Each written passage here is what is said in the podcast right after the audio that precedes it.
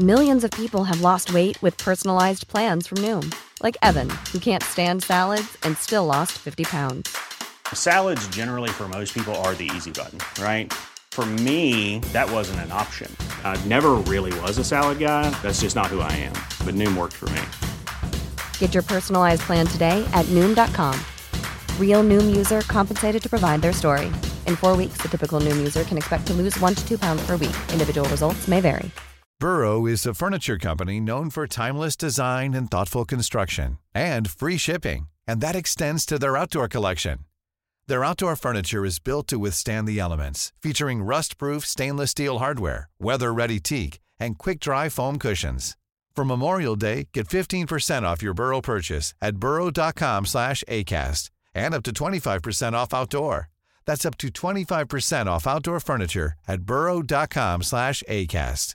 When you're ready to pop the question, the last thing you want to do is second guess the ring. At Bluenile.com, you can design a one of a kind ring with the ease and convenience of shopping online. Choose your diamond and setting. When you find the one, you'll get it delivered right to your door. Go to Bluenile.com and use promo code LISTEN to get $50 off your purchase of $500 or more. That's code LISTEN at Bluenile.com for $50 off your purchase. Bluenile.com code LISTEN.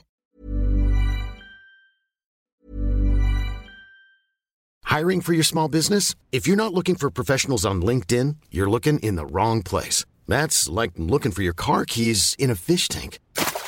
LinkedIn helps you hire professionals you can't find anywhere else, even those who aren't actively searching for a new job but might be open to the perfect role. In a given month, over 70% of LinkedIn users don't even visit other leading job sites. So start looking in the right place. With LinkedIn, you can hire professionals like a professional. Post your free job on linkedin.com slash people today. Everyone knows therapy is great for solving problems, but getting therapy has its own problems too, like finding the right therapist, fitting into their schedule, and of course, the cost. Well, BetterHelp can solve those problems. It's totally online and built around your schedule. It's surprisingly affordable too. Connect with a credentialed therapist by phone, video, or online chat, all from the comfort of your home. Visit betterhelp.com to learn more and save 10% on your first month. That's BetterHelp, H E L P. Jag, jag skulle vilja avrunda annars med en, en, en, rolig anekdot här om en kollega som glömde sin rakel i, i en bil.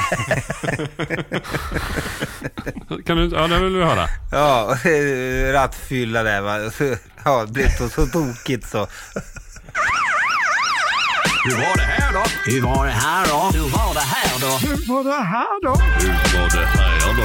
Ja, hur var det här då? Då var vi igång ett eh, nytt härligt avsnitt av eh, Hur var det här då? Och eh, efter eh, förra avsnittets eh, otroliga eh, konferenser och moderator Viktor här så ska jag försöka eh, hålla i det här idag. Mm, det blir nog Det blir ju svårt. inte hälften så bra och, och inte alls lika temporikt tänker jag. Nej, det är svårt att fylla mina skor, men du gör vad du kan. Ja. Men jag har i alla fall försökt att reta upp det lite i försnacket här. Då tänker jag att det kommer komma fram lite, du är ju en sån one-liner eh, maskin. Så att det kommer säkert komma lite bra grejer där tror jag. jag hoppas det. Vi ska försöka hålla det lite små upprörd. Det brukar vara en bra en framgångsfaktor. Ja. Ja. Men du ska få suna till lite till så eh, ska vi köra, eh, tänkte vi köra en sedvanlig runda här och då ska vi se vad vi väljer. Eh, nu verkar han ha ätit upp här så att eh, vi kör Mr eh, Pepster. Varsågod. Hur har dina, din tid varit sen senaste? Jo, men den har varit bra. Jag har hunnit avverka ett par julbord uppe i Stockholm. Jag har... Ett par? Berätta, nej. hur många julbord äter man? ja, Man, äter, ja, men man äter lagom. Då blir det ett par. Tänker jag. Får inte, får inte bli för lite, får inte bli för mycket. Nej, sen så har varit runt, farit och flygit. Eh, pratar med blivande aspiranterna här nu inför eh, de som, som kommer ut här i, i januari. Och sen så har, vi, har det gått åt mycket tid till att eh, förklara och eh, nå ut med det nya avtalet som vi kritade på här eh, för någon vecka sedan. Eh, så det har varit att göra i sedvanlig ordning. nu har jag också haft en eh, sambo i en vecka och jag kan förstå alla de som faktiskt tycker att det är rätt skönt. Jag har varit en eh, blivande kollega som har varit nere och gjort sin sao, alltså sina fältstudie, eller sin fältstudievecka här i Göteborg. Som har skämt bort mig eh, med goda drinkar och helt fantastisk mat. Så jag har varit så jävla bortskämd i en vecka. Jag kan inte vara annat än eh, supernöjd. Och nu sitter jag och avnjuter eh, den sista lagade måltiden och snart ska vi gå på drycken lite senare. Tror du att, Så jag är supernöjd. Jag måste bara fråga, tror du att det där är liksom det normala sambolivet du just beskrev? Ja, ja, ja absolut. Det är ju så alla målar upp det. Då måste det väl vara så tänker jag. Det är hugg och slag och ja. Nej, så just denna veckan har jag levt life och haft det riktigt trevligt. Ehm, så, så har det varit för mig. Är han Nadde? där eller? Han är där. Eller han är Visa här. honom. Jesper, de vill att du ska träda fram. Han kommer inte synas, i, han kommer inte synas ändå. Nej, bara, Nej och det kan jag säga. Det är jag vill bara säga tur. så att han är verklig Peppe. Jag vill bara säga så att du faktiskt har vänner. Han är verklig och, och en, inte bara fantastiskt fin människa på alla sätt och vis. Utan han är också eh, otroligt bildskön. Ja, han är snygg Kan- med. Det här är alltså en, en, en kvinnodröm. Kan han, spons- kan han sponsra den här podden eller? Vad sa du att? Kan han, är han en sponsor? Ja, det var sponsor? helvete vad snygg han är. Ja, det här är en riktig, riktig karakär. Ja, Ladies gud. man. Ja, han vågar vi inte lägga på Instagram. Nej. Så du utnyttjar alltså en, en ny blivande kollega för att han ska liksom... Eh, han får liksom fixa och vara butler och grejer hemma hos dig. För att du ska kunna hjälpa han framåt i yrkeslivet sen. Är det, har jag förstått det rätt då? Ja, men jag tror att han kanske tror att det är så. Eh, och jag lovar, låter honom leva i den Fast lilla... du kommer inte Kan- hjälpa honom Kan sen. han, kan, han, eh, kan han blanda en stadig GT eller? Han, han blandar inte grogg, men det kan han. Du sa ju grogg nyss, liar. Han blandar inte grogg, han blandar fina drinkar. Men, men jo, han har fått godkänt av min, en av mina bästa vänner eh, som var här och, och eh, käkade middag i helgen. Eh, helt magisk mat då också. Och då gjorde han en sta, stadig, stabil, fin GT. Vänta lite, vänta lite. Det, åter, det återstår en, en viktig fråga. Han är blivande polis, Ja. Mm. han kan laga mat och han är jävligt snygg. Är han singel? Han är singel. Alltså, aj, aj. Ja, men det, det är sånt, det är sånt eh, resursslöseri. Så, så till alla kvinnor där ute. Jag har en 12-poängare. Det är bara det att höra kommer av gå bra för honom. Du, han, behöver inte, han behöver inte dig. Han kommer klara sig Vi, vi, har, vi, vi, vi tar lite nya, gör lite nya metoder för att locka fler kvinnliga lyssnare. Så att nu har vi lagt i, nu har vi höjt potten. Skyr inga medel. Nästa kvinnliga, nästa kvinnliga sponsor vinner även Jesper. Du säljer honom på auktion. Har, vi, så har vi 5000. Drum, drum, drum. Gud. Okej, eh, eh, nu får jag styra upp det här känner jag. Vi är helt tappade. Vi eh, går vidare här. Och eh, nu blev han lite, blev nästan lite glad, det gör mig orolig. Det kanske inte blir lika eh, hårt och bra då. Men vi kör Viktor. Eh, du får ändå berätta hur du har haft det.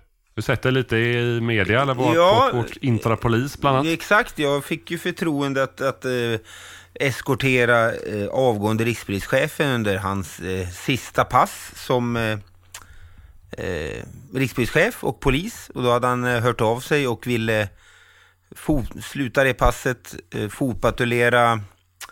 Eh, där hade allting börjat en gång på Södermalms gator. Och då eh, hörde han av sig och ville att jag och doktorn skulle bli hans kollegor. Så det var ett fint pass. Eh, eh, där vi gick runt. I, han fick välja själv vad han ville gå. Det blev ju Medis och Björns trädgård och ja, för e- eviga polisiära problemplatser. Eh, Hur länge var ni ute och bladade då? Ja, Vi var ute från klockan ett till fem. Eh, trevligt. ja, åkte tunnelbana och lite sånt här och han fick det kom från folk och ville ta selfies. Det var ehm, eh, en, en tidning fick gå med. Han hade, de hade, hört, han hade sagt nej till allihop, de här stora. Men mitt i Södermalm, de fick gå med. Så jag frågade, fattar ni att ni har exklusivitet här? Men jag tror inte riktigt att det hade gått upp för dem. eh, och sen så, men det blev ett trevligt reportage såg jag.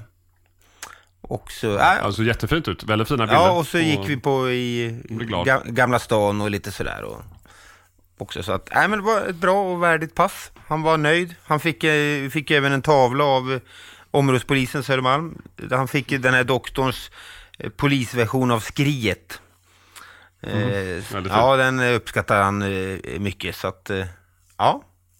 Så vi fick önska honom lycka till i den nya tjänsten som landshövding i Halland. Gjorde ni något eh, ingripande? Eller? eh, Ja, vi gjorde en del kontroller och det dök upp några av the usual suspects på Södermalm som vi kontrollerade. Och så, men det blev inget dramatiskt så. Ni kunde inte bjuda rikspolischefen på ett eh, brott mot knivlagen och eh, snabbare lagföring? Nej, vi... Eh, jo, det hade vi nog kunnat göra, men eh, nu valde vi att, att låta han, att, inte, att inte tvinga honom att avsluta sitt sista pass med en seg avrapportering. Nej, det var väl ett, det var väl ett bra val av er. Mm. Ja men fan vad kul! Ja. Riktigt eh, kul Ja, initiativ väldigt från bra. honom och, och en eh, hedervärd, eh, Ja, hedervärt att få, få avsluta på, på det sättet med honom. ja nej, det, var, det var kul och han är en... Det är ju en eh, trevlig ödmjuk person, det är ju inte tu tal om. Eh, och det kändes inte... Eh, han kändes nöjd och tillfreds med liksom det här och det var ju liksom ingen bitterhet, inga hard feelings. En gedigen karriär får man säga. Ja, det får man säga. Den snackar man inte bort. Väldigt bra. Nej, det gör man inte. Eh, Ja, härligt. Något annat du vill förtälja där?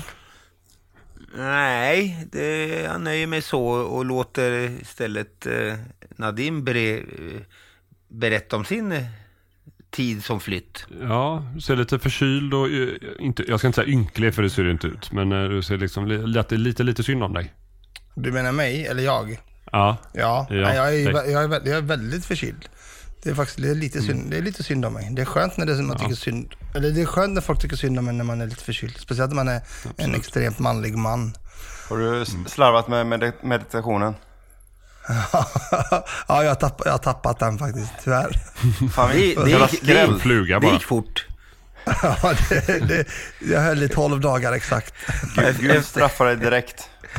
Jag skulle, man ska aldrig berätta sånt i Nej, podd. ena, ena, ena på avsnittet sitter och lägger ut texten om sin nya liksom, mindfulness nu och sen bara... äh, det kändes äh, ändå som eh, din grej annars att bara sitta still och inte göra någonting men det var ju lång tid. därför jag ville berätta du. om det, för det var verkligen inte min grej. Jag mådde bra av det, men det, fan, det gick inte. Nej. Nej, det är, t- det är trist, men man måste ju ha lite självdisciplin och sådär. Ja, exakt, exakt, exakt. Man måste framförallt ha ett inre lugn. Det kan vi leta efter. Nej. Ja, ja, det, det, ja, ja, jag har också avslutat, det är inte riktigt, jag är inte riktigt rikspolischefen va. Men vi gick ju nästan, eller på dagen tillsammans. Nu avslutar han sin tjänst, jag går på semester och tjänstledighet. Men jag har eh, slutat. Jag har städat ur allting. Jag har åkt på tre dagars, tre dagars ensam spa i Värmland. Eh, badat. Eh, eh, kan du berätta lite mer om det? Ja, alltså jag kan inte säga det utan att skratta. Alltså. Det, Vad vad, vad är detta? nej, men jag har gjort, förlåt, jag har gjort det. Jag, när jag såg hur min november skulle se ut och hur jävla mycket jag skulle jobba så tyckte jag så här, nej men jag är fan värd att unna mig någonting. Så jag skulle föreläsa i Värmland på tisdag kväll. Den, alltså, ja, nu tappar vi veckorna, men i tisdag, så jag åkte iväg tre dagar innan, lite tidigare, för att återhämta mig och vila och träna och äta och promenera. Och gick på museum och tog en- promenader och badade i varma källor. gick, gick på hammam. Har du blivit en gammal tant eller? Nej men alltså för det första, jag måste, jag, okej, okej seriöst då. Första dagen var helt, helt jävla underbart. Jag typ sov, ja, men, jag tror det var 15 timmar. Jag badade, gick upp, så somnade jag i en jävla vilstol liksom. Men sen dagen efter så började jag bli jävligt rastlös. då, gick jag på, då gick jag på museum i Värmland. Det var fint. Eh, men det var också så långsamt som Vad det låg. museum? Det var Värmlands museum, men jag, bodde, jag var i Karlstad. De hade en fin utställning där. Och, Ett och annat Ja. Frödingenslag kanske. Ja, ja precis. Eh, och sen så gjorde jag, ah, vi snabbspolade, gjorde den sista dagen, käkade en riktigt, riktigt dålig falafel som jag tror fuckade upp min mage. Sen fick jag jätteont i magen. Sen åkte jag, jobb, åkte jag jobbade uppe i, eh, vad fan var jag någonstans? Det var jättelångt upp. Det var i Arvika var jag jobbade. Och sen körde jag hem sent på kvällen, kom hem klockan, eh, jag tror jag var hemma ett. och vaknade som igår då. Eh, snorförkyld och helt förstörd eh, i kropp och själ. Så att, ja, tanken var god i alla fall med återhämtningen. Är det en begynnande livskris eh, du går igenom här eller vad, vad är det Nej, vi den ser? började för ett år sedan kan jag säga. Den, eh, nej, men jag, jag, vet, du vad, vet du vad det är? Det är en begynnande rädsla över faktiskt krascha, att gå in i väggen typ. Jag har haft den under hela hösten. Jag kände att någonstans måste jag hitta någon återhämtning. Så jag gav eh, det en chans. Det gick. Det var skönt. Men ja, Det låter klokt ändå, lyssna Mm. på kroppens signaler. ja faktiskt. Och nu är jag ledig. Eh, Ja, det är bra. Nu är jag ledig ett par veckor. Så det är skönt. Jag ska bara bli frisk så jag kan börja träna igen. Annars är det bra. Jag har haft det bra. Härligt. Ja, Det var du, Martin nej, då? det var du värd får man ändå säga. men tack. Martin då? Ja, det var du värd. Hur går det för Martin? Martin då? Jo, för Martin går det bra. Jag har ju, eh, kör ju min nya tjänst där på jobbet där. Så jag är inte med gruppen utan mer eh, eh, har hand om insatser lite mer. Det är ganska kul faktiskt. En del hemjobb, vilket passar väldigt bra för att vi har skaffat en hund också. Ja, det har vi sett. En liten, liten råtta eller? Nej, det är en- en hund- Bortsett, hund, Det är en labrador. Vad sa du? Det är en... De är ju, alla är ju små i början. Det är en labrador, en valp. Jag har ju en... Blir ganska stor jag, sen. Min fru har en labradoodle. Mm. Är det samma, samma grej typ eller? Är det en, är det en Labradoodle ras? är ju någon det? sån där lyxkorsning för rika människor. Det här är ju en renrasig labrador retriever. Jag har aldrig hört labradoodle. Ja, väldigt Vad, är det? Det är en blandning. Ja, det, Labrador låter, och pudel. Låter som en blandning av labrador och cheese-doodle. Under eh, coronan tror jag den kostar typ 60 000 en sån hund. är det Men, sant? Har eh, vi en dyr hund? Ja, det tror jag. Sälj. Det är en investering. Ja, en investering. Nej, Victor, så att min nu fru är har ett eget eh, Instagramkonto till den hunden. Jag kan skicka det till dig så kan du följa sen. Nej, nej, nej, nej tack. Ja, förlåt Martin, Nej, fortsätt. så att eh, det är valp, eh, för de som har valpar vet ju vad det innebär. Det är ju kiss och bajsfest eh, inomhus eh, första tiden där. Eh, Och fan. eh, man blir helt sönderbiten. Men det är också väldigt mysigt. Men det är, det är mycket jobb i början för att få lite ordning på det. Så, att- men då passar det bra att jobba hemifrån. För då kan man eh, eh, sköta het- hand om det lite vad hette den? Hette den Sören eller vad var det? Sally? Eh, Sal- Sally? Sally. Inte Sören. Nej, inte så. Nej. Det, var, det hade vi faktiskt inte ens uppe som Jag förslag. röstar på Sören. Men det är väl en kvinna Ja. eller, eller tjej? Eller Ja, det är en, en tik, så att Tik. det hade ju inte passat jättebra. Men... eh, Vadå då? Det- vadå? eh, eh, Ska fundera till nästa hund. Vad vet eh, du hur Viktor. den identifierar sig som? förslag. Ja, nej, det är sant. Men den är ju för liten för att avgöra det än så länge. Vi får avvakta tills den är stor nog och bestämma sånt själv. Det är, vad är det, 12 år som man kan eh, bestämma sitt namn eh, själv? Eller något sånt där. Ja, Det blir lagom. Nej, eh, utöver det så eh, har jag också varit på en julfest eh, igår här. samma här. Eh, Hisingspolisens eh, eh, julfest. Väldigt trevligt. Jag har ju också äran att få ha... eh, Jag gillar att försöka vara elak. Jag får ju tona ner det i vissa sammanhang. Men, men där har jag ju ett forum där jag får vara eh, fritt elak en stund när vi ska dela ut årets groda. eh, Den klantigaste händelsen som har skett under året. Och då kan jag spä på och förstärka och håna lite kollegor. Vilket jag eh, tycker är väldigt underhållande. Där skulle jag passa det är sånt ni håller på med i polisen. Där, Ja, där skulle jag passat in. Statligt godkänd penalist. Jag skulle varit Det med perfekt. i det arbetslaget. Ja. Jag, för, vi hade APM igår då föreslog jag att, för först började folk hålla på och säga att ja, vi ska lyfta fram så här, bra exempel och, och så var det tre som hade gjort något bra. Men mitt förslag var att vi också ska föra in att man får kalla upp varandra på peppisar. Eh, som, som är ondskan, men det röstades ner. Vad är det för något? Ja, man får gå, gå upp och så får man klippa till den som, en, så här, som har gjort bort sig med, med skaftet på en tjock gaffel eller kniv. Så här. Har du inte läst eller sett Ondskan? Jo, det var länge sedan. Jo, jag har sett. Ja, den nya har jag inte sett, den nya serien, men jag har ju sett eh, den tidigare uh, film var det då va? Och läst också. Mm. Ja, härligt. Ja, men så eh, lite sådana här grejer har jag eh, pysslat med. Så eh, vi eh, går vidare, tänker jag. Eh, det har varit, det är ju väldigt mycket mediehändelser eh, eller mycket information som kommer ut i media. Nu senaste så har det varit sånt som påverkar mitt jobb lite grann. Vi har kämpat sen Sen man, eh, det var ju omorganisationen 2015-16 när NOA tog fram särskilt utsatta områden. Att man klassificerade det på det sättet det har varit både ris och ros om man ska göra så. Och sen början då så fick vi ju, där jag jobbar på Hisingen, ett särskilt utsatt område som är den högsta klassningen, om man säger så, värsta eller vad man ska säga, eh, Biskopsgården. Eh, och då, jag tror från början var det en av, jag vet inte riktigt hur många det var från början, men 50-60-talet någonting. Eh, och sen har vi ju slitit och jobbat i Biskopsgården sen 2015 där. Eh, sen det blev särskilt utsatt med ett långsiktigt mål. Vi har haft kortsiktiga mål med liksom ta över gatan, vi gå där utan att eh, få stenar på oss eller få polisbilar förstörda. Och sen långsiktiga mål då att vända den här trenden ihop med massa andra. Det är ju eh, kommun och skola och eh, bostadsbolag och frivilligkrafter, idrott och företag och allt möjligt som hjälper till det. Och nu då, mycket glädjande, när den här rapporten kom så är ju faktiskt inte Biskopsgården särskilt utsatt längre utan ett eh, riskområde som är ett steg ner då. Hur, hur, vad är kriterierna för det? Är det liksom att anmälda brott sjunker eller vad? Hur eh, avgörs det där? Vad är kriterierna? Det är ju flera olika där för det är eh, utsatta områden då ska det vara låg eh, socioekonomisk status, eh, kriminella har inverkan på lokalsamhället, offentliga våldshandlingar, och öppen narkotikahandel. Och i, det är liksom grunden för van, vanligt sånt utsatt område. Om säger, eller vanligt, men ett utsatt område. Mm. Men sen särskilt utsatta då är det även att det är parallella samhällsstrukturer. Eh, invånarna är ovilliga att delta i rättsprocesser. Eh, systematiska hot och våld mot vittnen. Och polisen är allmänt svårt att uppföra sitt, eh, utföra sitt eh, heter det, uppdrag. Okay. Och även mm. extremism och det är många olika faktorer. Och där har ju det har blivit en markant skillnad. Jag minns för flera år sedan där då, då var det ju öpp, extremt öppen narkotikaförsäljning så fort vi liksom lämnade torget. Eller till och med när vi var på torget så sålde de narkotika runt hörnet.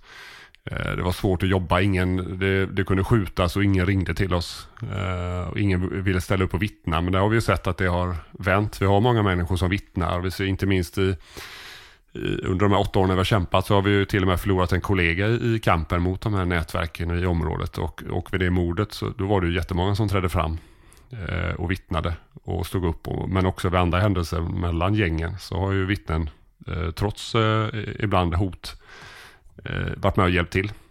Det är, det är flera olika sådana faktorer som gör då att man har på NOA bedömt nu att det är ett riskområde. Eh, ett snäpp neråt. Så gå går åt rätt håll helt enkelt. Om du bortser från det polisiära och nu ska jag tvinga dig till att lyfta en viktig eh, faktor. Eh, vilken aktör skulle du säga är, har varit den viktigaste? Och sen får du gärna nämna andra som har varit viktiga i det här eh, för att bygga bort det här. Jag, tror, ah, jag, vet, jag har svårt att säga att det finns eh, en så. Det är så många, bara man ser när kungen var på eh, besök, som jag nämnde förra avsnittet va? Så var det just att se de olika faktorerna som man gjorde. Då var det, ju, det var ju, runt det bordet så satt det ju ganska många olika aktörer. Då var det ju chefer för eh, bostadsbolag, eh, det var trygghetsvärdar, det var socialtjänst, det var andra kommuner, det var eh, västsvenska handelskammare med företagen som, som liksom, de kan komma in med, med jättemycket pengar och bara säga hur många vill ni att vi ska anställa? Ja, är det liksom 100 eller 200 stycken? Och så bara, jajamän, vi fixar anställningar och sommarjobb och allt så alla de här olika faktorerna, det är ju Politikerna vill ju gärna tro och basunerar ut att det är den här lösningen vi har hittat nu, den här grejen är det stora som kommer vända. Men det funkar inte så, utan det är ju en, en helt batteri med olika små åtgärder. Som den kanske räddar den personen, den åtgärden räddar den personen och den hjälper till att knuffa någon i rätt riktning. Så, så det, det, det, är många olika faktorer. Ja. Jag är väldigt glad att du gav just det svaret, eh, Martin. Det är, det är verkligen det är att alla gör sin lilla del och att det skapas förutsättningar för att det tillåts att göras. Och jag tror inte att det här kan vi inte prata tillräckligt mycket om hur jävla viktigt det är att vi får bort områden ifrån den listan.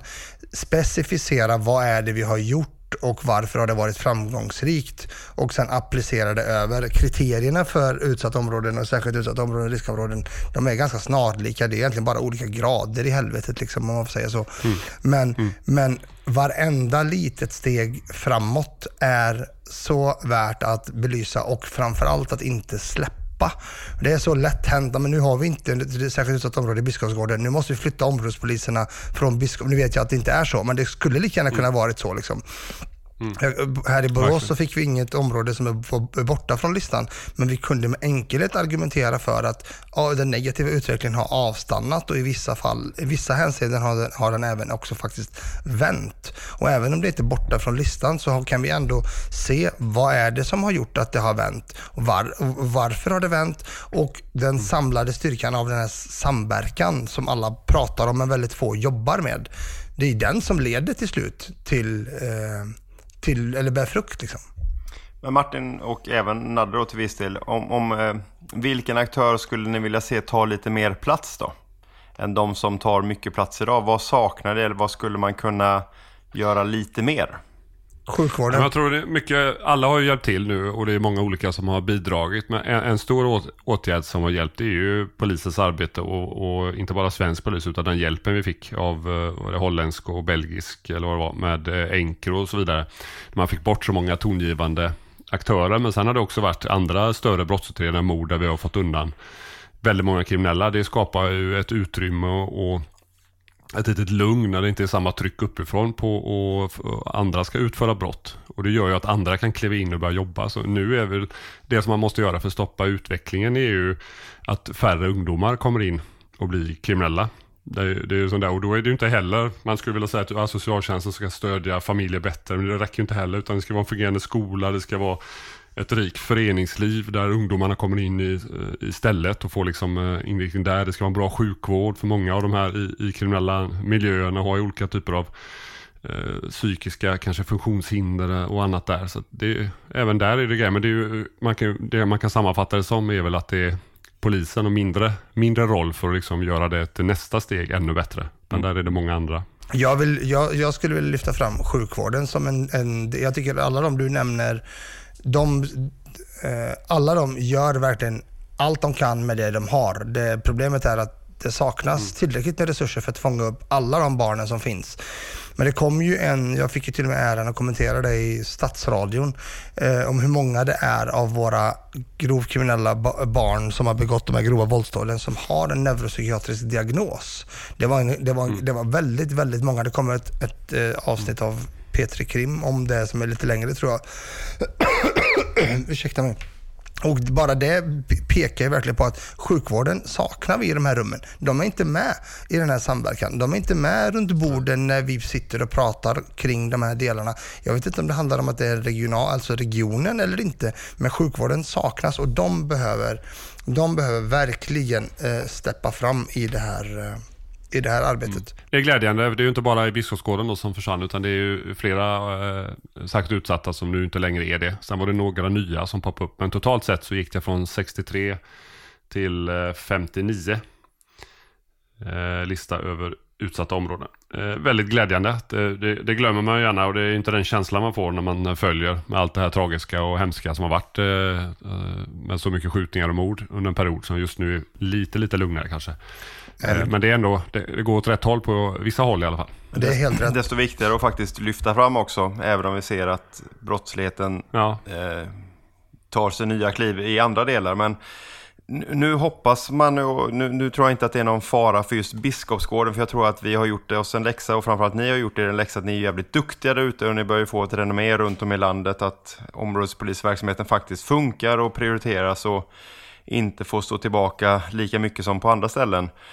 Mm. Så jag hoppas att man har lärt sig av mycket där man, när vi är framgångsrika, att vi liksom, ja, då, då backar vi hem och så slår vi oss över bröstet och så lägger vi ner. Men att, att man verkligen fortsätter trycka på, fortsätter att inse att, att det är allvarligt läge på många håll och att vi, vi orkar hålla i och hålla ut. Och att man fortsätter mm. satsa resurser ute, eh, framförallt också i kärnverksamheten, både ute och också invändigt. Så att vi inte mm. tappar det här greppet som vi nu, ja men i vissa delar då har faktiskt börjat få. Men eh, då, ja, men då är det ju, då fin, kommit fina signaler i den riktningen från den nya rikspolischefen. Hon mm. har ju sagt att eh, det kommer att satsas än mer på den lokala polisnärvaron, områdespoliserna och att mm. eh, eh man är, de ska fredas i mycket högre utsträckning i sitt grunduppdrag. Och det har ju varit, det har vi pratat om många gånger här, att det blir eh, upphackat och man drar sig iväg på annat, andra bränder som måste släckas och, och så får den, normala tjänsten stå tillbaks. Och det låter ju lovande. Ja, men absolut. Men så lät ju 2015 och det var ju en stor del till att vi gjorde bland annat omorganisationen, eller inte bland annat, utan att vi gjorde omorganisationen. Det var ju bland annat en av de här grejerna. Men jag tror och vet nästan, vågar jag säga, att, att Petra Lund och Hector, eh, de är kloka nog att eh, inse att det går inte att fortsätta så här och verkligen tar ett krafttag. För där har ju också regeringen skickat tydliga signaler eh, att det här ska prioriteras. Så jag, ja, det blir spännande att se hur det kommer att arta sig framöver. Eh, jag ser med tillsikt fram emot det här. Jag vill påminna om, det där har man själv glömt bort, men eh, i samband med 2015 när det var, ja diskussionerna gick höga om, om eh, det kloka i att, att göra det här och ja, det skulle bli dåligt. Då sa ju de som hade tittat på andra länder bland annat att de sa att det, det tar åtta år innan en sån här organisation har satt sig. Eh, och om man börjar se de positiva effekterna. Man får vara beredd på eh, fem, sex år av att det är ganska rörigt. Och det följer ju, det får man säga, följer ju med kuslig precision. De profetiorna. Det är ändå ett rätt stort arbete att göra tror jag för att få ut den här det som fungerar i, eh, i fler regioner och fler lokalpolisområden, att det är fortfarande väldigt för, för stora skillnader eh, i vad, att ha ute områdespoliser till exempel och den här samverkan. Det är fortfarande lite för mycket av det gamla, gamla bara kvar. Men... Ja, det finns väl områden där de är två områdespoliser på pappret. Så att, ja. ja. Jag kan bara prata för, för, för oss i city. Det är, liksom, ja, men det är ju över bron. Eh, vi tappar några riktigt duktiga områdespoliser nu på grund av att den gruppen eh, under lång tid har fungerat som mer eller mindre som en Polia-grupp. Där, där man mer eller mindre bara hoppar in och täcker luckor överallt. Och det är klart att det mm. engagemanget och viljan till att jobba med den lokala problembilden, den, den blir ju inte stor när man gång efter annan kastas runt och ja, eh, gör arbetsuppgifter som, som man kanske inte då har sökt sig till. Men eh, ja, inte att förringa det arbete som görs i, i, av många områdespoliser och i många områden ändå. Och i, i en del som har funkat bra i Biskopsgården det är bland annat att vi har haft eh, använder vistelseförbud från via kriminalvården. Så när någon har suttit i fängelse så får man en villkorlig dom och då ska man ju uppsöka, man går på möte med eh, frivården och då kan man ge, om man ser att man Dels kan man ge det lite förebyggande att man, när någon, någon, släpps ut så vill man inte ha dem i ett visst område eh, där de eh, eh, kan påverka det här nätverket. Så då har vi haft vissa eh, kriminella i biskopsmiljöer då som inte får vara i Biskopsgården. För ofta så är de ju inte heller skrivna i, i det området heller utan de skriver så gärna på helt andra adresser eller boxadresser eller någonting. Och då har vi lagt, eller kriminalvården har lagt ett vistelseförbud som gäller över hela eh, till en hel yta. Eh, vilket gör det svårt för dem att vara där. För är de där sen då så, så meddelar vi det till kriminalvården och så får man börja sitta av under den här villkorliga tiden. Väldigt bra. Här vill jag flika in. Eh, vi har använt samma, an, använt samma på individer på Södermalm. Men mm. den kan fortfarande skruvas till och bli mer Absolut. Eh, vass. För nu har det varit så att vi fick ju skriva till kriminalvården flera gånger om under hela sommaren och, och rapportera om det här. Och sen till sist då så kom det ju att ja, det blev några månader. Eh, den kan bli vassare och dessutom så skulle det kunna kopplas på att, att man kan göra en polisiär åtgärd när de bryter mot det här eh, vistelseförbudet och att man kan eh, till exempel avlägsna dem. Det var en fråga jag skulle ställa. Just vad kan vi som poliser göra när vi ser att någon bryter mot det och hur stort kan det här området bli rent till ytan? Och är det då kriminalvården som, som sätter den, eh, den ytbestämmelsen eller hur, hur, hur ser det ut? Jag har faktiskt noll koll på det här. Jag vet, det måste vara kriminalvården va? men i, i vårt fall det gällde det hela Södermalm exempelvis. Och det är, no, okay. det är, en, det är ju en ö, men Martin får rätt, ja kan du det, det där bättre? Jag i praktiken då så är det en person som har fått det här vistelseförbudet och han är inte skriven i området eller om han är skriven i området så kan han få till exempel att han får vistas på den gatan eller precis den adressen han bor. Man får inte vara på torgen. Eh, just för att man inte ska kunna vara med och påverka eh, kriminella. Och sen har vi eh, liksom ledargestalter i gängen som, som inte får vara. Hela Göteborgs kommun är liksom eh, no-go-zon kan man ju säga då för den personen. Och sen när det har skett överträdelser och vi anmält till kriminalvården så har personen får sitta, nu är vi uppe i två olika, två olika eh, tillfällen då så man får sitta ändå ganska länge. Det rör sig om en månad och flera veckor som man får sitta under sin sån här eh, villkorliga frigivning. Men det, vad jag skulle komma till där är ju att nu eh, nu finns det ju ett lagförslag där då. Som ska ut på remiss. Det är ju preventiva eh, vistelseförbud. Som man kan eh, eh, få innan. Det krävs inte en dom först då. Eh, så att man ska kunna få ut Eh, ska man bestämma det och då ska det vara förslaget är och att lagen ska träda i kraft eh, i, redan i februari 2024. Då ska det vara upp till ett års fängelse för att överträda de här vistelseförbuden. Och jag tror faktiskt det kan vara en fungerande bra grej. För som det är nu va Martin, så är det så att det enda man, vi kan göra nu är att vi observerar och rapporterar vistelseöverträdelsen.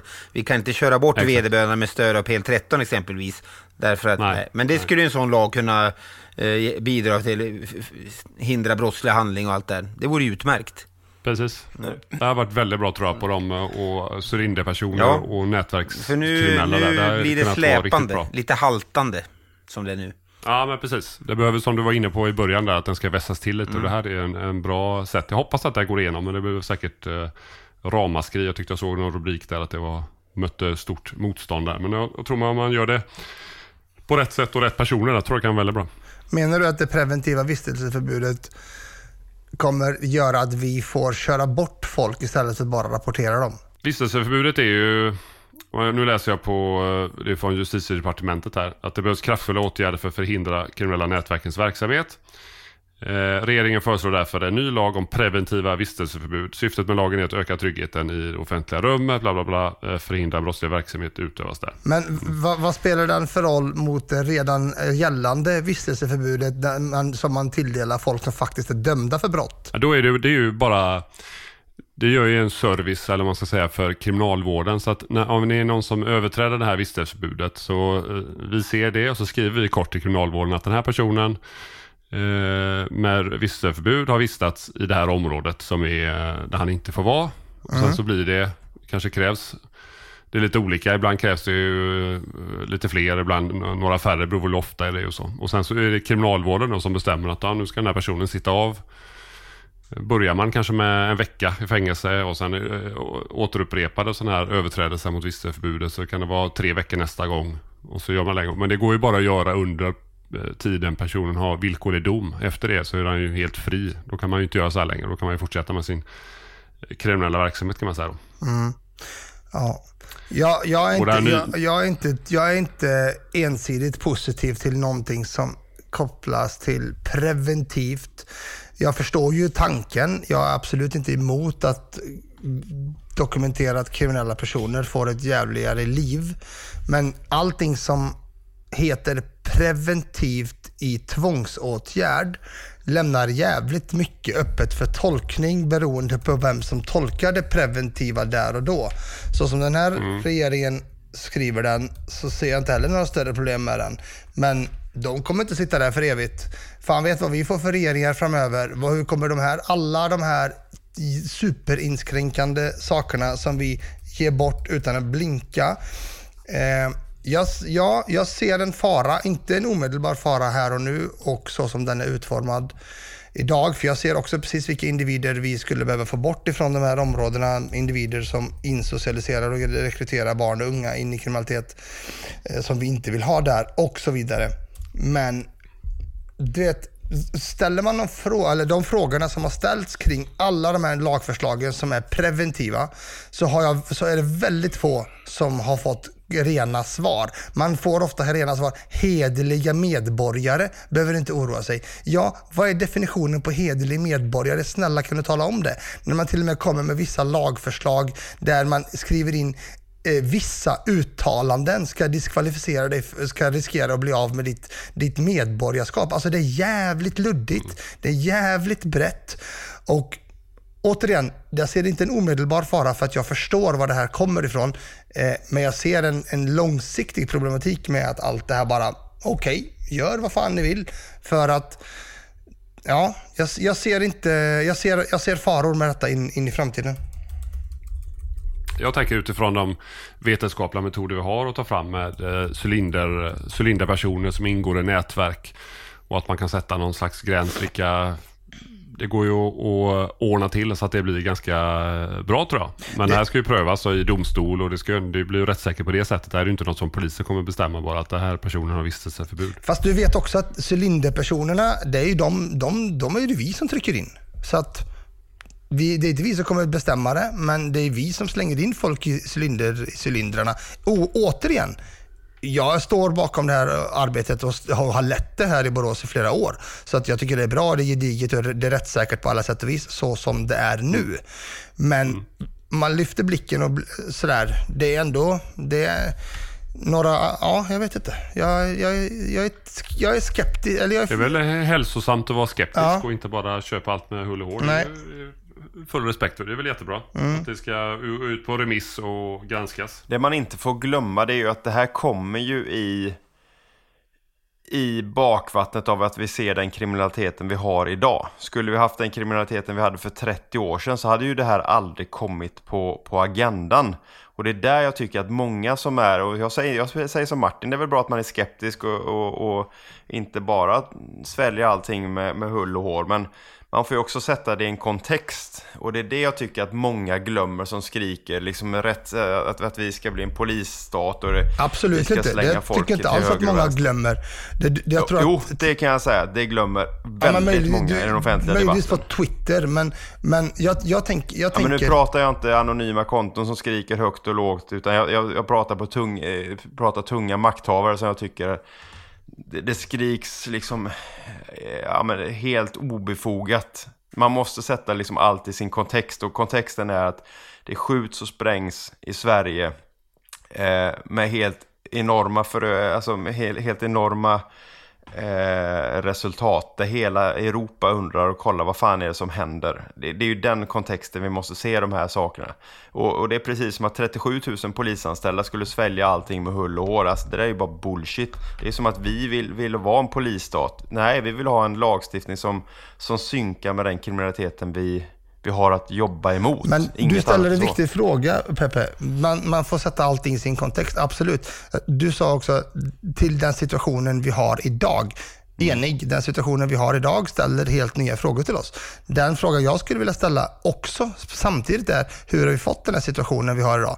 Vi har ju inte haft den situationen för 30 år sedan, trots att vi inte hade den här problematiken. Så vi behöver även titta ganska mycket i backspegeln och framåtblickande med vad finns det för faror med det här. Det är inte så att poliser skriker efter att vi ska bli en polisstat, det tror jag absolut inte heller.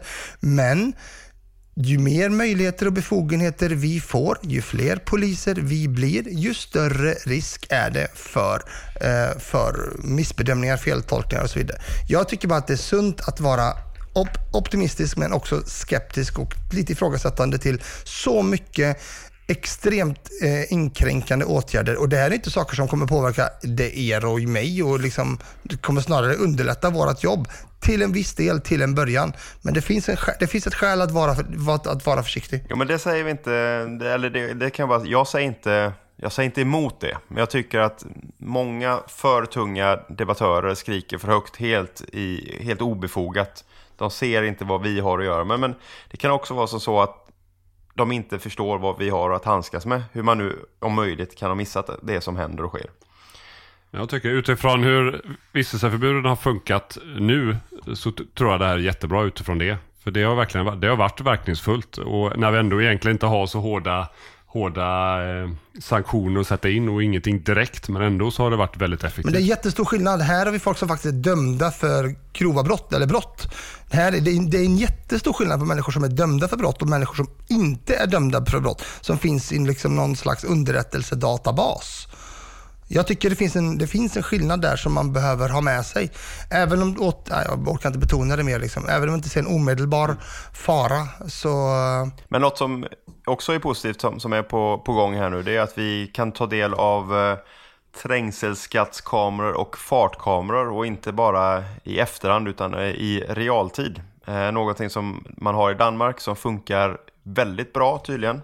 Eh, jag har inte själv jättebra information om det men, men man vad jag förstår så, så är, har danska kollegor haft väldigt bra eh, användning av det här och kunnat lagföra eh, svenska medborgare för grova brott. Och eh, det är någonting som man också pratar om.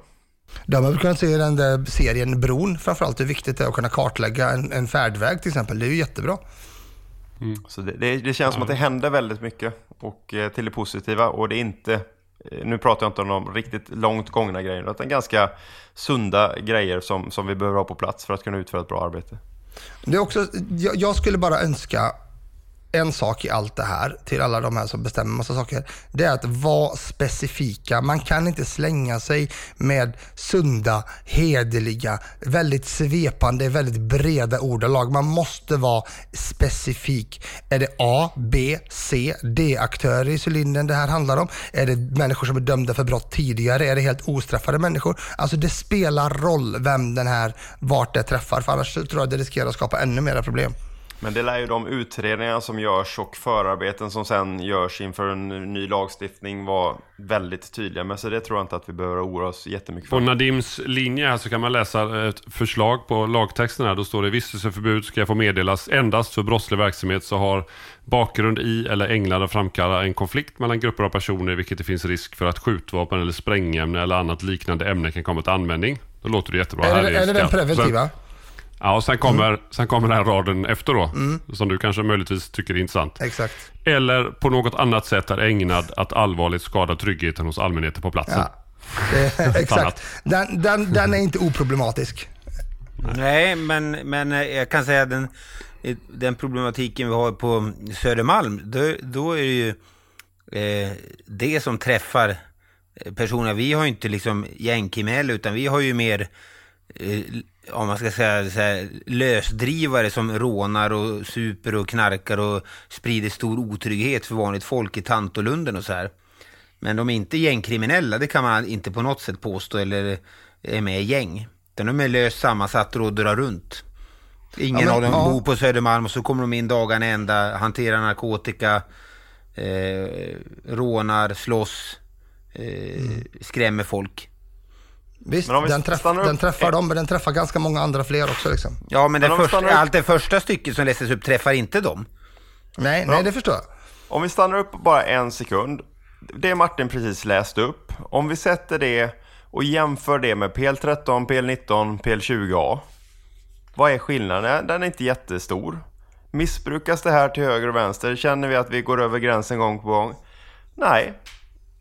Jag är, jag är inte orolig. Nej, inte jag heller. Jag tror att det skulle bli jättebra. Men att det är hälsosamt att man diskuterar. Jag är inte att- orolig omedelbart nu heller. Jag är orolig för vad det här kan leda till om 10-15 år. Och det var remissinstanserna där, det är många positiva där. Polisen såklart och hovrätt och, och åklagarmyndighet. Och sen justitiekanslern eh, är ju inne just då, så vi pratar lite nu då, att de anser att de uttryck som används i förslaget är vaga eller allmänt formulerade och riskerar att bli tillämpningsproblem där. Och det är väl sånt Tacka Gud för eh, JK. Ja, och sen, eh, sen är det väl det att, att eh, kritikerna brukar väl, de sansade, inte al alarmisterna, utan de sansade brukar väl säga att saker och ting tenderar att få en liten ändamålsglidning efterhand. Eh, med, än, vad, än vad just var tänkt och skrivet från början. Och det finns det väl exempel på. Eh, som nu, med, nu ska inte jag eh, strö salt i Peppes sår här, men det var ju en av diskussionerna just med de här trängselkamerorna och de här att det skulle, när det införs, inte användas eh, kunna användas av polis och så vidare var var en av sakerna liksom när det infördes som folk var rädda för. Jag tyckte det var fel redan då. Att varför skulle inte vi kunna använda dem? Det är ju, det är ju, det är ju trams. Det är inte liksom något problem att polisen använder det i jakt på ja, till exempel flyktbilar och sånt. Så jag var bara förvånad då. Så det här är ju att rätta till något. Men om man ska vara ärlig så sades det då att eh, de, kamerorna kommer inte användas till sådana saker. Liksom. Ett, idio, ett idiotiskt beslut. Är det 15-20 år sedan kameran kom? Ja, de kom, ja, ja precis, det är någonstans där tror jag 2006, 7, 8 i Stockholm, någonstans där. Jag var ganska ny där då när det där infördes. Eh, Ja. Men det är såklart att vi ska kunna använda dem. Det är ju bara dum, dumt att vi inte ska kunna titta efter Ja, bilar efter skjutningar och rån. Och det är inte så att vi sitter och tittar att, att man använder de här till... var är den där fan som, som körde i bussfil uppe på Swedenborg? där är han! Det är inte så liksom. Utan, det är ju... Jag, jag blir så fascinerad av de som, som då tror här, för det är ju många som, ja, nu kommer ni massövervaka och, och, och, och hålla på. Jag, jag blir så fascinerad av hur människor... De fattar inte hur res- resurskrävande det är. Liksom. Nej men exakt, och, och vem fan skulle vilja sitta och kolla i en sån där jävla kamera eh, dag ut och dag in? Alltså, jag, jag, jag, ibland så undrar jag om det bara är sågspån som, som trillar Det ner när, lite- de- när de knackar i huvudet. det-. Ja men det är ju lite folk, så ungefär som när folk säger, kommer på Twitter bara, Det är väl bara att punktmarkera de kriminella? Ja, det är ju inte riktigt så bara. Då, då har man nog inte riktigt koll på vad det krävs för att punktmarkera en person i resursväg. Nadim, du ser ut som du ska invända mot något. Nej, jag tycker Ja. bara det, det, blir, det, det, kan bli, det blir väldigt svepande mot invändningar. Att, Vad fan ska vi sitta och titta på de här kamerorna? Det handlar inte om det. Det handlar inte om att vi kommer att sitta och glo i de här kamerorna. Det är att det finns möjligheter. Väldigt många möjligheter till att vrida och vända på saker och ting när de redan finns på plats till att missbrukas. När det finns fler chanser att missbruka någonting så kommer det också fler exempel att ske. Det är allt jag säger. Jag tror kanske också, Nadde, att det kan vara, kan vara svårt för dig att förstå också som inte är polis. Nu pratar vi ju poliser om det lite. Så. Det är det enda argumentet Förlåt, ni har kvar. Exakt. Eh, Det är det enda argumentet ni har kvar mot mig. Det går bra. Jo men är det, är det skäl nog då att inte införa nya saker Inte- därför, in- därför att det kan missbrukas? Inte just nu, inte som det är just nu. Jag är beredd att hålla med, men jag ser att det behöver spetsas, det behöver specificeras och det behöver heller inte kanske vara för jävla evigt. Men hur kan man missbruka en trängselkamera? Ge mig bara ett litet exempel. Nej, men det är jättestor skillnad på trängselkamera och på att tvinga någon att inte, eller förbjuda någon att inte vara på en, på en specifik plats. Eller bara för att den bor i ett visst område så, så får man använda mycket mer inskränkande lagstiftning mot den personen. Det, jag ser problem med det. Det är så enkelt är det. Det är två helt olika saker mot en kamera eller, eller andra delen. Det är okej att se problem med det. Ja, det vet jag. Du får göra det. Mm, Bra. Fred, vi, eh, mäklar du inte fred här Martin? Låt, låt, låt oss fightas Nu är lite det- en sista gång. Det- jag har hållit på en timme snart. Det nalkas mot jul.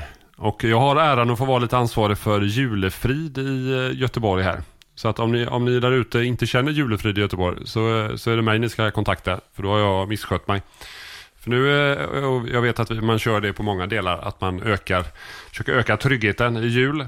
Eh, Vi har ett bekymmersamt eh, omvärldsläge där vi nyligen, nu, hyfsat nyligen, kom upp till en fyra på terrorskalan och nu är det ju, pratas det om att det, det har inte blivit bättre sedan dess. Nej, och vi Det vet däremot ska tacka för det. sämre. Ja, Stark det har fyra blivit så- sämre. som man säger. Så nu ska vi vara i julhandeln så det är det viktigt att människor känner sig trygga. Så att eh, julen kan rulla, pengarna ska in och folk ska kunna vara ute och, och ha det trevligt. Eh, gå på spa om man vill det eller göra något annat.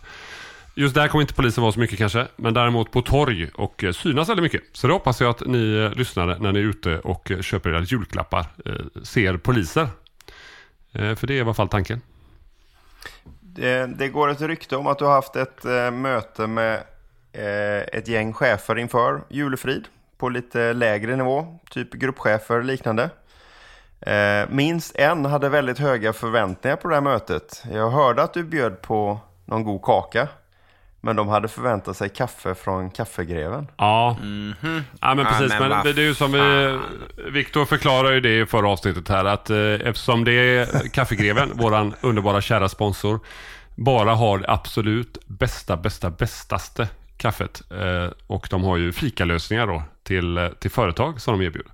Men de har ju det bästa kaffet och då är ju inte det något som eh, poliser eh, tar del av eh, via sin arbetsgivare så att säga, utan det får man köpa på egen hand. Och här hann jag inte eh, fixa egna, jag har ju fått lite bönor, lite provgrejer där från eh, kaffegreven, men jag hann inte fixa det. Så nu blir det statligt kaffe denna gången. Men jag köpte däremot skumtomtar och pepparkakor ur egen ficka. Det var fint. Eh, för att blidka de här eh, insatscheferna och som, gruppcheferna. som du hör verkar det gått sådär. Men eh, Ja. kan du utlova kaffegrevens kaffe till nästa möte med, med dessa individer? Det är frågan. Nej. Nej, det var trist. Svaret är nej. Nej. Men, eh, ja, nej, nej, nej, nej, så håller vi inte på. Det finns, eh, jag, jag försökte liksom rädda upp det lite med skumtomtarna och pepparkakorna.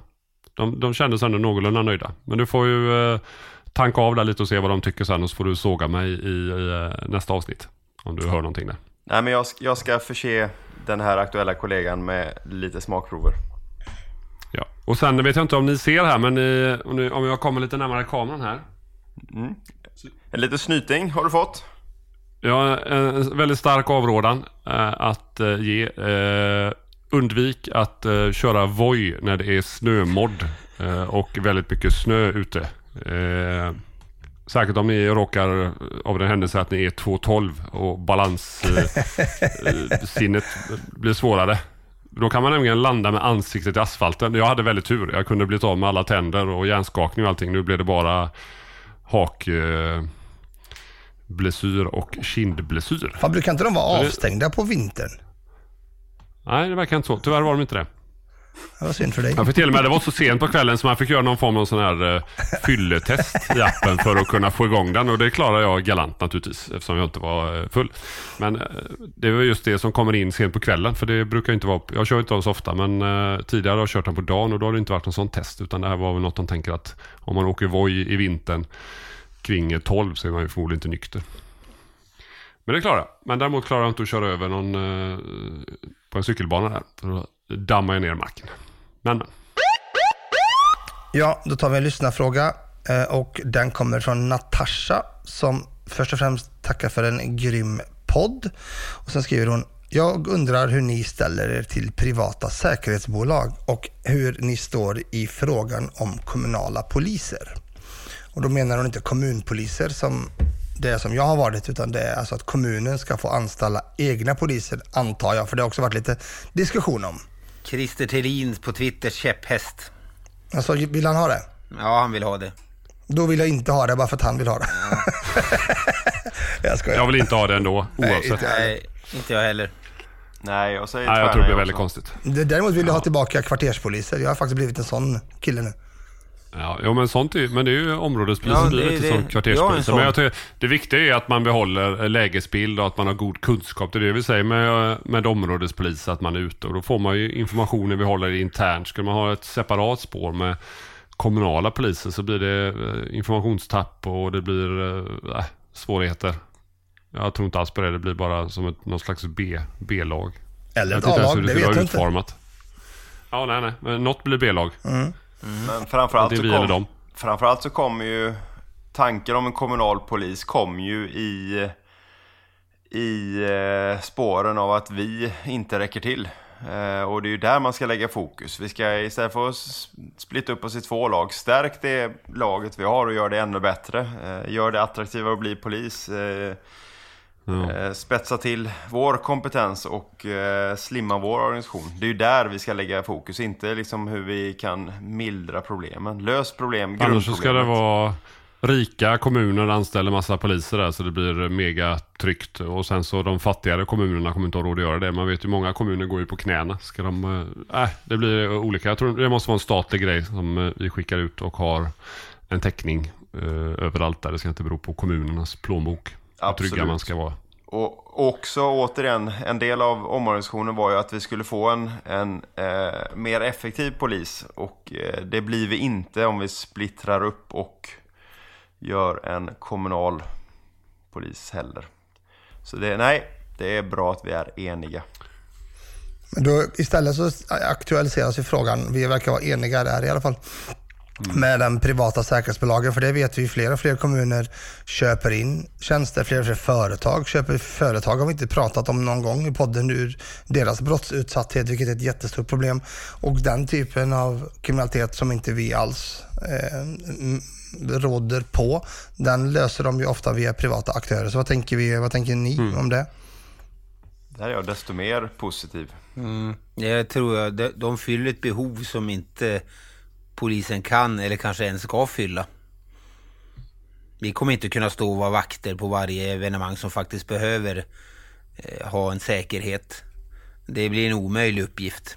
Ja, och dessutom vill någon skapa sig lite extra personlig säkerhet eller skydd. Eh, man kanske har målat upp en hotbild som med våra mått mätt inte överhuvudtaget finns. Ja, men det är väl bra för honom eller henne att, att kunna betala för en sån tjänst för att känna sig mer trygg än vad han eller hon Ja, det, det är ju två aspekter i det. Sen har du stora bolag som har drabbats av extremt mycket stölder eller bedrägerier eller problem mm. som vi faktiskt ska mm. utreda och hantera som vi inte gör som köper in en sån tjänst från privat säkerhetsbolag som utreder förhör och i princip gör en färdig förundersökning som de sen lämnar över till polisen.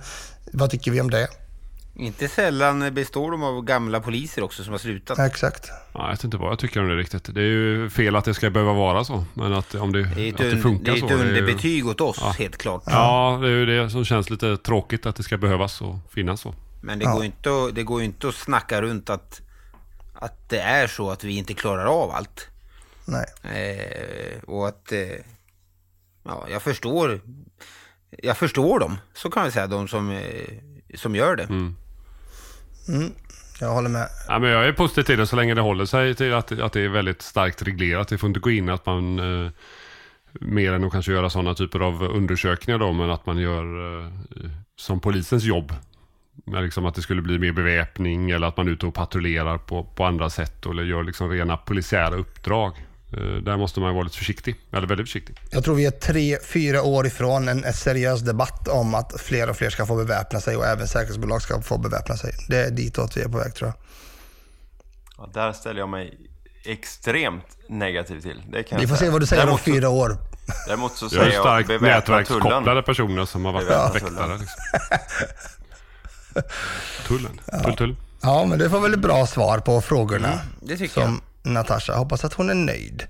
Det Mm. är också speciellt, det är också intressant med den här frågan om polisens förtroende, bara en liten passus. Vi har högt förtroende generellt, men det är frågan, i frågan om huruvida förtroendet för oss att ut, utreda den grova brottsligheten, det, det, det är betydligt lägre. Så då kan man ju undra, var, varför har vi det förtroendet? Ja, det var bara kul. Kuriosa. Ja, vad står det Mm. på, vad står det på schemat, programledaren? Jag, jag skulle vilja avrunda annars med en, en eh, eh, rolig anekdot här om en kollega som glömde sin rakel i, i en bil. Kan du, ja, det vill vi höra. ja, rattfylla där va. Ja, det blev så, så tokigt så. Ja, vi har blivit hånad Ja, för det var- här under Har du våndats för det här? Ja, ja. Ja, och vi- stackare. Ja, det, var, det, det, här- det mådde du dåligt över. Det hördes i poddavsnittet. Ja, och jag, det, det, det har snappats upp av vissa Jaha. lyssnare i min närhet. Asgamar. Däremot vill jag berätta en rolig anekdot. Nu med, i och med att det är sista avsnittet inför, inför jul, så får ni se vad ni tycker om, om det. Jag hade, jag hade en aspirant en gång, jag var inte handledare utan jag var instruktör. Det, det, fanns, det fanns utmaningar med den här aspiranten. Jag ska försöka anonymisera så, så, så, gott, så gott det går. Eh, P. Larsson.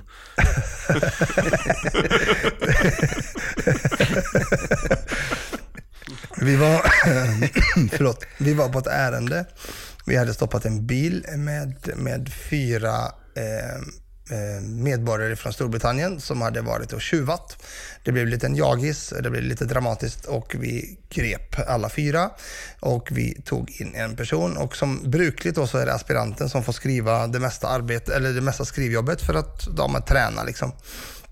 Och aspiranten skrev och eh, lämnade över sitt eh, papper till, till mig och på förnamn så, så läser jag British och på efternamn så läser jag Citizen. och då, och då försökte, vi var jättemycket poliser där. Jag ville absolut inte ge aspiranten en ansiktsförlust utan som den goda instruktör jag är så lämnar jag tillbaka. Du, har, du har skrivit fel här. Du, du behöver kolla på en annan rad i, i passet som han tittade i då. Och, och, den och den här aspiranten vägrade förstå, vägrade ta till sig, käfta emot, blev högljudd inne i arresten och äh, tänkte, tyckte att jag var helt ute och cyklade. Jag vet inte vad vi höll på, höll på med. Till slut så var jag ju tvungen att markera och Ja, men det blir ju att man fick nästan trycka till han. Men det är ju för fan hans medborgarskap, din jävla idiot. Och innan dess så hade ju inte, alltså det hade ju inte de andra kollegorna uppfattat vad det var som hände egentligen. Men i och med att det blev den situationen som blev och jag tappade lite grann så blev det en rejäl ansiktsförlust som den stackaren fick eh, dras med ett par år i sin poliskarriär. Innan hen eh, slutade faktiskt. Det är inte dig själv du, det är inte själv du beskriver nu va? Nej, det är det inte. Tro mig. Är det något jag har koll på så är det pass. Jag är flykting, kom ihåg det. Ja, det är sant. Åh, där skulle man kunna dratt. Nej, det ska Jo, säg göra. något. Nej, nej. Du eh, Peppe, du hade ju några ord för våran sponsor va? Ja. Vi vill ju såklart lyfta våran fantastiska sponsor Kaffegreven ännu en gång. Eh, inte nog med att de eh, skänker pengar till välgörande ändamål i, i form av Prostatacancerfonden och Bröstcancerfonden. Det är också så, så att de har ett eh, eget kaffe som heter Women's Coffee by Kaffegreven. Eh, som eh, odlas och plockas av kvinnor i Peru. Och eh, ja, de engagerar sig i eh, kvinnoarbeten helt enkelt runt om i världen. Eh, någonting att lyfta fram så vill man ha ett, både ett kvalitetskaffe och också ett, en, en kaffeleverantör som bryr sig om utsatta eh, runt om i landet och i detta fallet då, eh, eller runt om i världen rättare sagt. Och i detta fall kvinnor i Peru så är det givet ett företag att inskaffa sitt kaffe ifrån för dig som egen företagare eller företagare i stort. Mycket bra. Mycket bra. Och sen Mycket som vi bra. kanske har nämnt innan att de är ju eh, stora sponsorer av Frölunda. Och Frölunda förresten vann på bortaplan idag mot Leksand Men med tjata 2-1. för fan. Mm. Nu ska vi inte Härligt. döda Men jag tror att vi kanske har nått, uh, nått vägs ände med det här avsnittet. Uh, Eller vad säger ni? Ja. Kan Ja. vara så. Och vi Wrap får väl passa up. på och önska våra lyssnare en fantastisk jul och ett gott nytt år och hoppas att de får en eh, lugn och fridefull, eller fridfulla helger med god mat och dryck och, Och, och härlig helt, gemenskap. helt enkelt julfrid. Ja. Ja, julefrid. Ja. Åk inte voj i snön, eh, drick inte för mycket eh, och eh, ät lagom och umgås med nära och kära och ha en riktigt härlig jul och eh, slut på det här året önskar vi från Hur var det här då? Hej då! Så Hej med då. det, hej då! Hej då! Hej då! Hey, let's be careful out there. Ja, hur var det här då?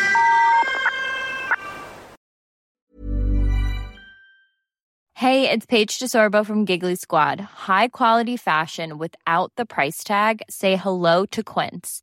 I'm snagging high-end essentials like cozy cashmere sweaters, sleek leather jackets, fine jewelry, and so much more. With Quince being 50 to 80% less than similar brands. And they partner with factories that prioritize safe, ethical, and responsible manufacturing. I love that. Luxury quality within reach. Go to quince.com slash style to get free shipping and 365 day returns on your next order. Quince.com slash style. Planning for your next trip? Elevate your travel style with Quince. Quince has all the jet setting essentials you'll want for your next getaway, like European linen, premium luggage options, buttery soft Italian leather bags, and so much more. And is all priced at 50 to 80% less than similar brands. Plus, Quince only works with factories that use safe and ethical manufacturing practices. Pack your bags with high-quality essentials you'll be wearing for vacations to come with Quince. Go to quince.com slash pack for free shipping and 365-day returns.